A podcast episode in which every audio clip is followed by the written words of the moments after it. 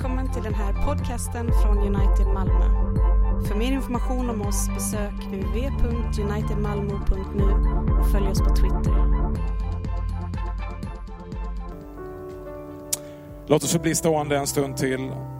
Låt oss lyssna till dagens predikotext ifrån Guds ord. Tre stycken sammanhang ifrån psalm 119. Första sammanhanget ifrån vers 97 till vers 104. Hur kär har jag inte din undervisning, hela dagen begrundar jag den. Dina bud gör mig visare än mina fiender, ty för evigt är de hos mig. Jag är klokare än alla mina lärare, ty jag begrundar dina vittnesbörd. Jag är förståndigare än de gamla, ty jag tar dina befallningar i akt. Jag håller mina fötter borta från alla onda vägar för att ta vara på ditt ord. Jag viker ej från dina dumslut, ty du undervisar mig. Hur ljuvligt smakar inte ditt tal? Det är sötare än honung för min mun. Genom dina befallningar får jag förstånd, därför hatar jag alla lögnens vägar. Vers 105 till 112.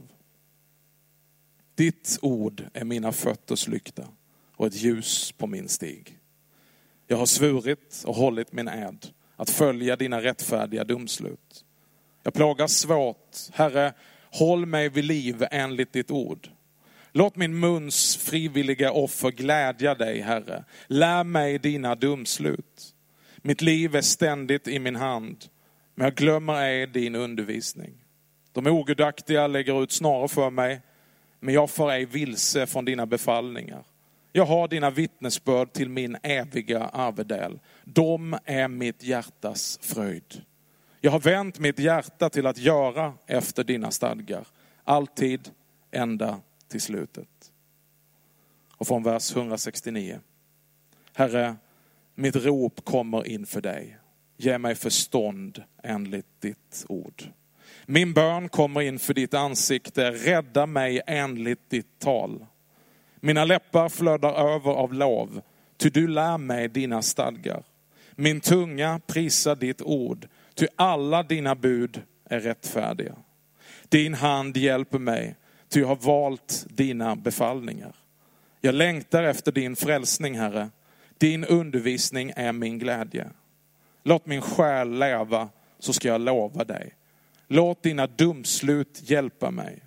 Jag har gått vilse som ett förlorat får. Sök upp din tjänare, ty jag har inte glömt dina bud. Detta är Guds ord till oss idag. Amen. Wow, nu står man här framme. Det hände på riktigt. För er som inte vet så är mitt namn Johanna Persson. Ehm, jag är uppvuxen i den här kyrkan. Mina föräldrar var de som startade den här kyrkan så jag har kallat United Vindkyrka sen jag var fem ungefär. Um, precis som vem som helst annans liv så har mitt också haft sina upp och nedgångar. Um, det nådde ungefär en botten för kanske ett och ett halvt, två år sedan ungefär. Um, men det senaste året, eller de senaste nio månaderna ska jag säga, har jag fått privilegiet att få sätta mig in i Guds ord. Ett, Eh, väldigt, nio väldigt intensiva månader eh, där jag fått studera Guds ord. Och så det passar sig kanske väl då att jag ska predika om salmen som faktiskt är en lovpris till Guds ord. och nu då ska jag försöka rättfärdiga det Bibeln säger om Guds ord, vilket i sig tvingar mig att förtrösta på Guds ord. Eh, precis. Men jag vill bara börja med att det är absolut ett privilegium att få stå här uppe. Ehm, det är någonting jag svor att jag aldrig skulle göra. Men ibland har Gud andra planer, som ni, om ni kanske märker det.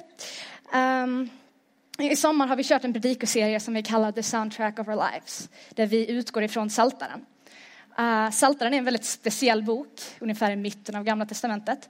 Um, väldigt speciell bok för att den är väldigt känslosam och oerhört mänsklig, men samtidigt fylld med visdom och vägledning.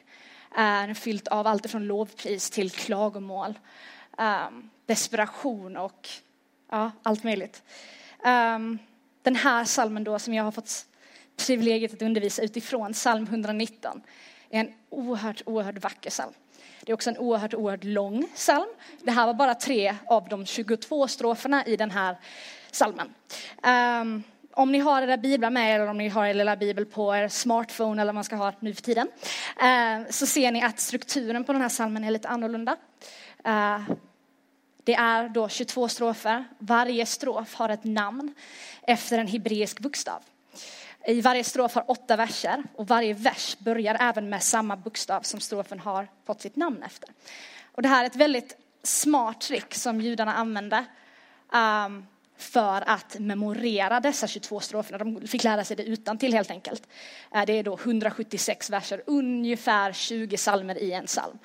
Ehm, men det går väldigt bra hand ihop, eh, ehm, säga, strukturen på salmen går väldigt bra ihop med dess budskap. Ehm, hur ihågkommandet av Guds ord, av Guds stadgar, skänker frid och grund till våra turbulenta liv. Um, och det här är då som jag sa innan den mest bevarade lovsången till Guds ord som vi finner i hela Bibeln.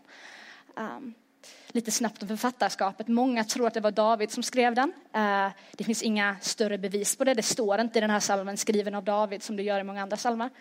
Ehm, men det finns mycket, mycket som pekar på att det var David för att det finns mycket uttryck i den här salmen som vi finner i andra salmer som vi vet är skrivna av David. Men identiteten bakom författaren är inte avgörande för dess unika och otroliga innehåll av pris och lovord till Guds ord. Um, lite snabb bakgrundsfakta också, för att när vi, mö vi möter mycket uttryck som Guds lag eller Guds tal, Guds bud, Guds undervisning i den här salmen och det är inte begränsat till Guds tio bud eller eh, alla lagar vi finner i andra, eh, andra Moseboken, utan det är ett samlingsbegrepp av både krav och löften, eh, vilket vi finner i hela Bibeln, inte bara den här salmen.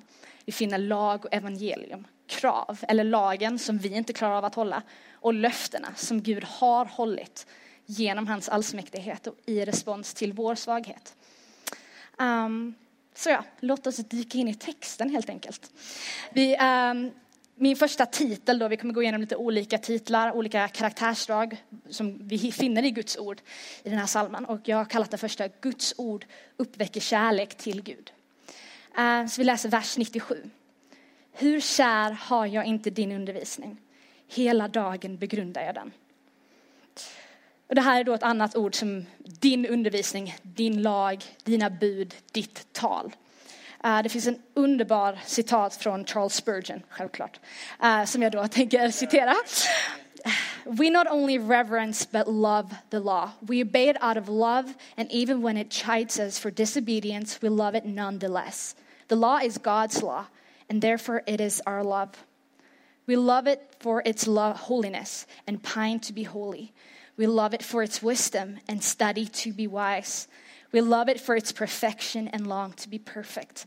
Those who know the power of the gospel perceive an infinite loveliness in the law as they, as they see it fulfilled and embodied in Christ Jesus.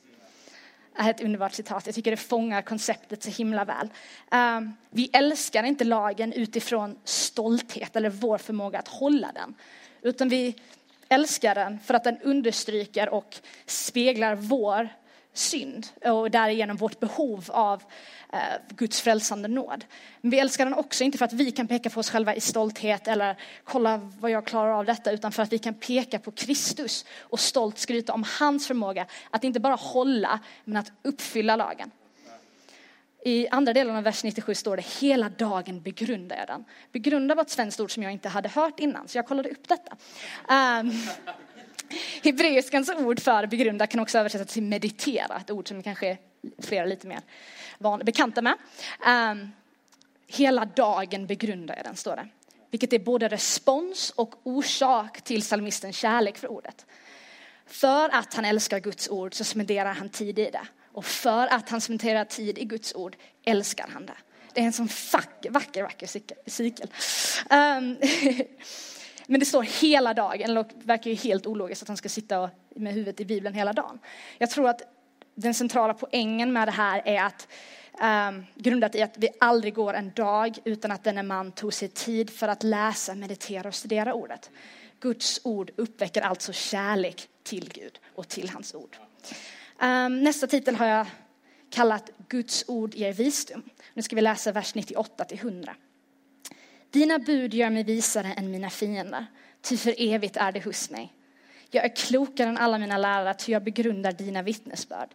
Jag är förståndigare än det gamla, ty jag tar dina befallningar i akt.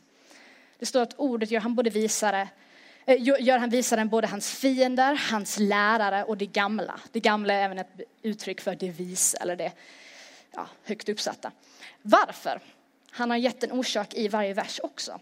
I vers 98 står det att Guds bud är för evigt hos honom. I 99 står det att han begrundar Guds vittnesbörd. Och i vers 100 står det att han tar Guds befallningar i akt.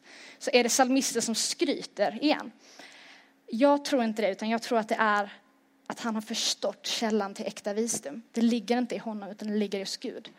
Gud som undervisar oss genom hans heliga ande, genom hans ord. Det finns inga mänskliga lärare eller fiender som någonsin kunde jämföra sig med skaparen av universum. Vår frälsare. Visdom är alltså kunskap i praktik. Um, så även om hans lärare må ha varit duktiga och de äldre var skriftlärda så får vi aldrig glömma vem som faktiskt är bringaren av nåd, av ljus. Att det handlar inte om instrumenten utan om artisten, att det handlar inte om mottagarna utan det handlar om givaren. Inte skapelsen utan skaparen. Och vi finner inte visdom i oss själva. Vi kan inte lyssna till vårt hjärta. Utan vi behöver basera vårt förstånd på Guds ord som kommer till oss utifrån. Nästa titel har jag då kallat Guds ord hjälper oss att älska rättfärdighet och att hata synd. Ska vi se vad verserna säger om det, 101-104. Jag håller mina fötter borta från alla onda vägar för att ta vara på ditt ord. Jag viker ej från dina dumslut, ty, ty du undervisar mig. Hur ljuvligt smakar inte ditt tal? Det är sötare än honung för min mun. Genom dina befallningar får jag förstånd. Därför hatar jag alla lögnens vägar. Så först när jag läste detta kände jag mig totalt misslyckad för att det här är inte riktigt jag. Eh, jag sa, ja jag hatar alla lögnens vägar. Ja, ibland. Eh, men ännu en gång, jag fick lära mig att faktiskt, eh, som jag gjorde nu, um, sätta betoning på faktiskt varför det vad som är anledningen till att han responderar på detta sättet. Genom dina befallningar får jag förstånd, därför hatar jag alla lögnens vägar. Så om vi då ska utgå från att det var David som skrev den här salmen så vet vi mycket väl att det här var en syndare som vilken annan person som helst. Um, så vad är det dessa fyra verser vill lära oss? Ja, det står att Guds ord lovar god frukt om rötterna finns rotade i Guds ord. Jesus sa om och om och om igen till lärjungarna, på deras frukt skall ni känna igen dem. Psalmisten skriver också att han tar vara på Guds ord genom att hålla sig borta från alla undervägar. Det står även att förstånd härstammar ifrån Guds befallningar. Alltså allting kommer därifrån, det är grunden. Det ligger inte i vår mänskliga förmåga. Ehm, och vad leder det till? Ja, det står då att därför hatar jag alla lögnens vägar. Hatar är faktiskt ordet som används. Så vad är då det här förståndet? Vad är visdomen? Jag hörde det förklarat en gång att visdom är att älska det Gud älskar och att hata det Gud hatar. Vi kan inte vara okej okay med det som separerade oss från Gud från början.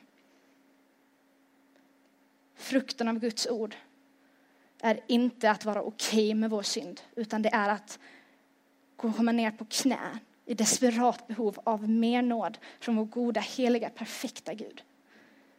Den gör oss inte likgiltiga till vår fallna värld och natur. Romarbrevet 7 säger att lagen pekar på vår synd. Den gjorde synden till ett faktum för oss. Vi visste inte vad synd var innan lagen kom. Vi tjänar alltså inte en Gud som är likgiltig till synd. Nej, han tog tag i synd. Låt oss läsa från Efesierbrevet 2. Ska vi se vad Gud gjorde åt synden. Också er har Gud gjort levande. Ni som var döda genom era överträdelser och synder.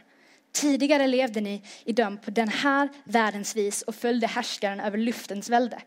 Den ande som nu är verksam i olydnadens söner. Bland dem var vi alla en gång när vi följde våra syndiga begär och gjorde vad köttet och sinnet ville. Av naturen var vi redan vredens barn, var vi vredens barn, vi liksom de andra. Men Gud, men Gud. Men Gud, som är rik på barmhärtighet, har älskat oss med så stor kärlek. Också när vi ännu var döda genom våra överträdelser. Att han har gjort oss levande tillsammans med Kristus. Av nåd är ni frälsta. Ja, han har uppväckt oss med honom och satt oss med honom i den himmelska världen i Kristus Jesus. För att i kommande tider visa sin överväldigande rika nåd genom godhet mot oss i Kristus Jesus. Ty av nåd är ni frälsta genom tron. Inte av er själva. Inte av er själva. Guds gåva är det inte på grund av gärningar, för att ingen skall berömma sig. Ty hans verk är vi, skapade i Kristus till goda gärningar, som Gud har förberett så att vi ska vandra i dem. Är inte detta vackert? Evangeliet i tio verser. Det är så bra. Um, så vi ser alltså hur det här gick till, progressen. Att om vi är grundade i Guds löften och vad han har gjort för oss, kommer det ge frukt, förberett av Gud tidigare. Låt oss gå till nästa strof som vi kommer gå igenom idag. Guds ord är ljus i ditt mörker. Vers 105-106. Ditt ord är mina fötters lykta och ett ljus på min stig. Jag har svurit och hållit min ed att följa dina rättfärdiga domslut. För att en lykta eller ett ljus ska fylla sin funktion måste där finnas mörker. Salmisten beskriver då väldigt figurativt hur Guds ord fyller denna funktion. Vilket måste betyda att författaren levde i exakt samma värld som vi lever i idag. En värld som är fylld av förgänglig strävan efter lycka, efter kickar, efter något som tillfredsställer för stunden. Men Gud lyser upp vägen under detta jordliga liv som faktiskt inte är slutet. Gud har gett oss sin ande i handpenning till oss genom ordet, genom hans kropp. Hans ande är den som lär oss. Det står eller faller inte på vårt mänskliga förstånd. Guds ord är helt och hållet kapitel till kapitel, paragraf till paragraf utandat av den heliga anden. Genom Guds ord får vi vägledning i detta turbulenta liv. Jag vaknar upp som en syndare och hedning varje morgon i nöd av Guds nåd som är ny varje morgon. Mörkret utanför är faktiskt inte det största problemet. Men det är mörkret som fortfarande frestar mig inombords att gå i världens fotspår. Ordet kallar oss att vara i världen, men inte av världen. I Jesus bön i Johannes 17, 15 till 17 står det, jag ber inte att du ska ta dem ut ur världen utan att du ska bevara dem för det onda. Det är inte av världen, liksom inte heller jag är av världen. Helga dem i sanning. Ditt ord är sanning. Helga dem i sanning. Det finns en väldigt bra metafor för att förklara den här bilden att vi inte är av världen men i världen. Precis som en båt är skapad att vara i vattnet så är inte vattnet skapat att vara i båten. Då kan förlora den sin funktion. På lika sätt har Gud placerat oss i världen för att vara hans ljus i en mörk värld. Och vad är då vår källa till ljus? Här. Nästa punkt. Guds ord är hopp i hopplöshet. Vi läser vers 107 till 112. Jag plågas svårt. Herre, håll mig vid liv enligt ditt ord. Låt min muns frivilliga offer glädja dig, Herre. Lär mig dina domslut. Mitt liv är ständigt i min hand, men jag glömmer ej din undervisning. Det ogudaktiga lägger ut snaror för mig, men jag far ej vilse från dina befallningar. Jag har dina vittnesbörd till min eviga arvedel. Det är mitt hjärtas fröjd. Jag har vänt mitt hjärta till att göra efter dina stadgar, alltid ända till slutet. Och här ser vi då bevis på det faktum att vårt liv inte alltid är på topp. Om ni inte märkt det än så, good for you. Uh, men på som, som, i så många andra salmer som vi har hört under den här sommaren och i stort sett i alla salmer så ingår även här sorg och desperation. Um, och ett liv i Guds fruktan blir inte automatiskt ett liv i lyx och fröjd. Eh, om det är därför du är här så har du tyvärr kommit fel. Om du vill att ditt liv ska bli lättare i enlighet med det världen jublar för så kommer evangeliets konsekvenser faktiskt att chocka dig. Varför? För det som Gud av sin nåd och för hans ära skapar i oss är kompletta motsatsen till det som världen vill få ut av dig. Kompletta motsatsen. Världen säger fulfill yourself, men Gud säger deny yourself. Världen säger du kan lyckas, Gud säger du har redan misslyckats. Världen säger you can do it. Gud säger no you can't, inte utan mig. Ta upp ditt kors och följ mig. det Jesus sa om och om igen. Om vi vill följa Jesus i hans fotspår kommer det betyda både mirakel och piskslag, både helande och törnekrona. Och genom allt är vi kallade att lita på Gud för att han har sagt du är min. Var finner vi detta hopp i hopplösheten? Här. Det här är en historia. En historia om hur människor överger Gud om och om igen. Men hur Gud aldrig ger upp på sitt folk. En historia om hur folk blev förföljda för deras gudsfruktan. Men hur Guds plan alltid segrade i slutet. Alltid. Och så är det fortfarande.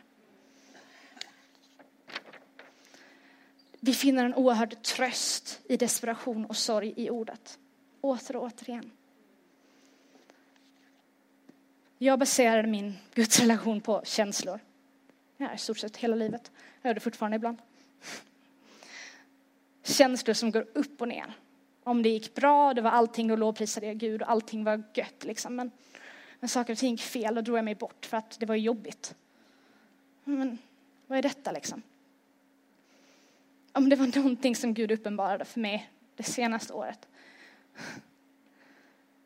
så är det att sanning består medan känslor kommer och går. Sanning består.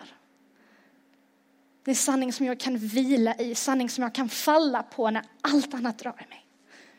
Vilken välsignad grund vi får falla på. En sten som håller upp oss när vi faller. Det är inte en sandstrand utan en sten. Låt oss gå till den sista strofen som vi ska gå igenom idag. Vers 169 till 170. Herre, mitt rop kommer inför dig. Ge mig förstånd enligt ditt ord. Min bön kommer inför ditt ansikte. Rädda mig enligt ditt tal. Mitt rop kommer inför dig. Min bön kommer inför ditt ansikte. Psalmisten vänder sig till Gud och ingen annan mitt i hans lidande och hans oro. Om det nu var David som skrev den här salmen så gjorde han bort sig mer än någon annan historisk kung eller ledare i hela Bibeln. Och ändå var det den här mannen som Gud kallade man efter hans eget hjärta. Det säger nog mycket. Han vände sig till Gud och inte till världen. Och det säger vi inte för att prisa David utan för att prisa vilken underbar Gud han tillbedde. Han säger även rädda mig enligt ditt ord, enligt ditt tal. Jag kan inte själv. Köttets begär är för starkt. Men jag vet att Gud är starkare. Vi kommer inte till Gud med insikten om att tala om för honom vad han ska göra. Rädda mig enligt din vilja, ord och tal. Ske inte min vilja utan din. Så vad hände sen? Guds ord uppväcker lovpris mitt i vårt lidande. Vers 171-175. Mina läppar flödar över av lov, ty du lär mig dina stadgar. Min tunga prisar ditt ord, ty alla dina bud är rättfärdiga. Din hand hjälper mig, ty jag har valt dina befallningar. Jag längtar efter din frälsning, Herre. Din undervisning är min glädje. Låt min själ leva, så skall jag lova dig. Låt dina domslut hjälpa mig. Lovpris. Lovpris mitt i den här oron, desperationen. Psalmistens läppar flödar över av lov. Hans tunga prisar Guds ord och längtar efter hans frälsning. Han vet att räddning är på väg, vare sig i liv eller död. Gud segrar alltid. Så varför rädslas vi över världens hot? Paulus skrev till kyrkan i Filippi från fängelset. Filipperbrevet 1, 18-21 säger och jag vill fortsätta att glädja mig Ty jag vet att detta kommer att leda till min frälsning därför att ni ber för mig och Jesu Kristi ande hjälper mig. Det är också min längtan och mitt hopp att jag inte på något sätt ska stå där med skam utan att Kristus nu som alltid ska ha mig frimodigt förhärligas i min kropp vare sig jag lever eller dör. Ty för mig är livet Kristus och döden en vinst. Detta chockerar mig varenda gång jag läser det. Ty för mig är livet Kristus och döden en vinst. Vi vet slutet på filmen. Den står här. Det är väl självfallet att Guds underbara ord leder oss till en sådan frid och glädje som inte kan annat än ge sig uttryck i lovsång. För att Guds ord uppenbarar vem Gud är. Vilken Gud vi tjänar och lovprisar och lägger vårt liv i vars händer. Genom både liv och död. Vi kan inte förlora. på grund av Jesu Kristi eviga vinst. Så även när vi förlorar så vinner vi. En rätt bra deal. Jag vill avsluta med sista versen i hela salmen och hela den här strofen. Vers 176. Jag har gått vilse som ett förlorat får. Sök upp din tjänare, ty jag har inte glömt dina bud. Det här är en oerhört chockerande vers i kontrast med de tidigare delarna vi har läst om hur han håller sig till Guds ord och hur han finner lovpris och allt möjligt där. Men nu är det, jag har gått vilse som ett förlorat får. Han har nu ändrat fokuset från kaoset på utsidan till kaoset på insidan.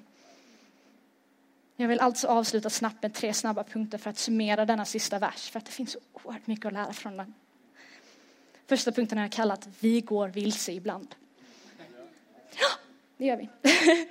Engelskan använder gone astray. Samma ord i hebreiskan kan också betyda att förgås. Man är på fel spår. Jag är på väg mot något som inte är rotat i Guds ord.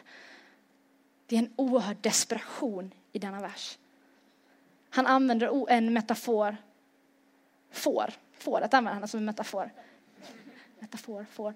Um, för om får lämnar flocken så dör de. Om, de, om herden inte är där så dör de. Han använder inte en hund som kan nosa sin väg tillbaka. Utan om min herde inte kommer och hämtar mig så är jag done with. Jag förgås. Vi går alltså vilse ibland. Vad nu? Vad gör vi åt det? Ja, vi kan se på första då att han, han säger det. Han erkänner att han är vilse. Som ett förlorat får. Första steget till lösning är alltid att understryka problemet. Och det är så basic, men vi glömmer det så lätt. Hur ska vi någonsin kunna hitta en lösning på något som har döljts i mörkret under ytan? Vi vet att ordet redan har liknats vid en lykta, vid ett ljus. Folk använder allt för ofta sin vilsenhet som en anledning till att dra sig bort från kyrkan. Eller dra sig bort från Kristi församling eller Guds ord. Egentligen raka motsatsen till vad vi bör göra. Men vi människor, vi kommer att gå vilse. Men du är inte ensam. Om vi lämnade varje gång vi gjorde något fel eller kände oss förlorade som människor skulle vi haft en väldigt tom kyrka. Så vad mer gör salmisten åt detta problemet? Det leder oss in på punkt två. Har jag kallat när vi går vilse, ropa till Gud. Inte om, men när vi går vilse. Hur svarar vi? Det är så lätt för oss, i alla fall för mig, att dra mig tillbaka till gamla vanor, till umgängen som lindrar mig med så här världsligt och gosigt medlidande eller som tycker det är rätt att jag känner, tycker synd om mig själv, som uppmuntrar mig till att finna lycka i nya saker och ting. För Gud verkar ju så långt borta. Vad kan vi läsa om i Guds ord? Vad är det psalmisten skriker ut? Gud, sök upp din tjänare. Gud, sök upp din tjänare. Det finns inget svar att hitta i oss själva. Författaren ger alltså Gud, Gud äran som sin räddare. Han vet att hans frälsning vilar i Guds händer och ingen annan, inte ens han själv. Han vet att hans befrielse från detta eländiga driftande finns att finna i hans skapare, hans fader. Gud som känner oss bättre än någon annan. Han som sydde ihop vår personlighet såväl som vårt yttre. Han som skapade varenda molekyl och varenda stjärna. Den här guden, den här guden kan vi ropa ut till och lovprisa. Det finns ett känt citat som säger, du förstår inte att Jesus är allt du behöver förrän Jesus är allt du har kvar. Och ibland behöver Gud ta oss till den punkten, ta oss till botten av oss själva för att inse att han är allt vi har. När hela världen, våra kroppar, våra kickar långsamt dör bort. Men hur visste salmisten att han kunde ropa till Gud mitt i sin ångest? Varför fann han den här friden mitt i denna desperata nöd? Det leder oss in på sista punkten. När vi går vilse, glöm inte Guds ord. Han säger, sök upp din tjänare, ty jag har inte glömt dina bud. Sök upp din tjänare, ty jag har inte, nästan som han håller det som ett kontrakt. Kolla, sök upp din tjänare, jag har inte glömt dina bud, det står här. Det ska du göra. Det här är inte från, från mig då en mänsklig befallning till dig, eller en utmaning till dig att glöm nu för allt i världen inte Guds ord, utan det här är mer av ett wake-up call. Glöm inte vilken Gud vi tjänar. Glöm inte vem Gud är. Vi läste tidigare i Efesierbrevet Eh, hur Gud älskade oss och frälste oss när vi fortfarande var döda i våra synder. Det är den här guden som älskar oss. Som tar hand om oss genom vått och torrt, genom liv och död. Han som vet dina innersta kammare av mörka tankar och gärningar. Det, mest, det äckligaste du någonsin gjort, det vet Gud om. Och det var denna Gud som sa, han är min eller hon är min. Stolt. För att lära känna denna Gud kan vi rota oss i Guds ord. Be över Guds ord, meditera över Guds ord, studera Guds ord. Hur visste salmisten att han kunde ropa på Gud mitt i hans ångest? Han kände till Guds löften. Guds ord blir inte till någon hjälp om vi inte vet vad det säger, vad det står, om vi inte känner till dess löften. Tro kommer av att höra Guds ord. Han visste hur allsmäktig, hur helig, hur god, hur älskande hans Gud var. Skriften hade lärt honom väl om vem Gud var. Och psalmisten kunde därför hålla hårt i dessa löftena och veta att i vad som än händer, i vad som än händer, come hell or high water, som man säger på engelska, kommer Gud alltid att få allt att samverka till det bästa för hans folk och för hans egen ära. Gud är heden som lämnar det 99 för att söka det vilsna fåret. Gör det vilsna fåret. När jag inte finner Gud så finner Gud alltid mig. Och detta vet vi inte bara av oss själva. Det ligger inte i mänsklig disciplin eller lojalitet till Guds ord utan i kraften som bara Gud själv kan ge. Hans evangelium. Det här är Guds ord. I början av School of Biblical Studies som jag studerade nu i nio månader så var det någonting som blev väldigt, väldigt klart för mig. Vi var ungefär en månad in på, i våra studier och jag var så trött på den här boken. Jag var så trött på den här boken och jag tänkte, jag har åtta månader kvar, hur ska jag klara av detta? Så jag bara jag satt där och kollade på den här stora fina svarta ESV-bibeln liksom. Jag bara, bara slängde in den i väggen.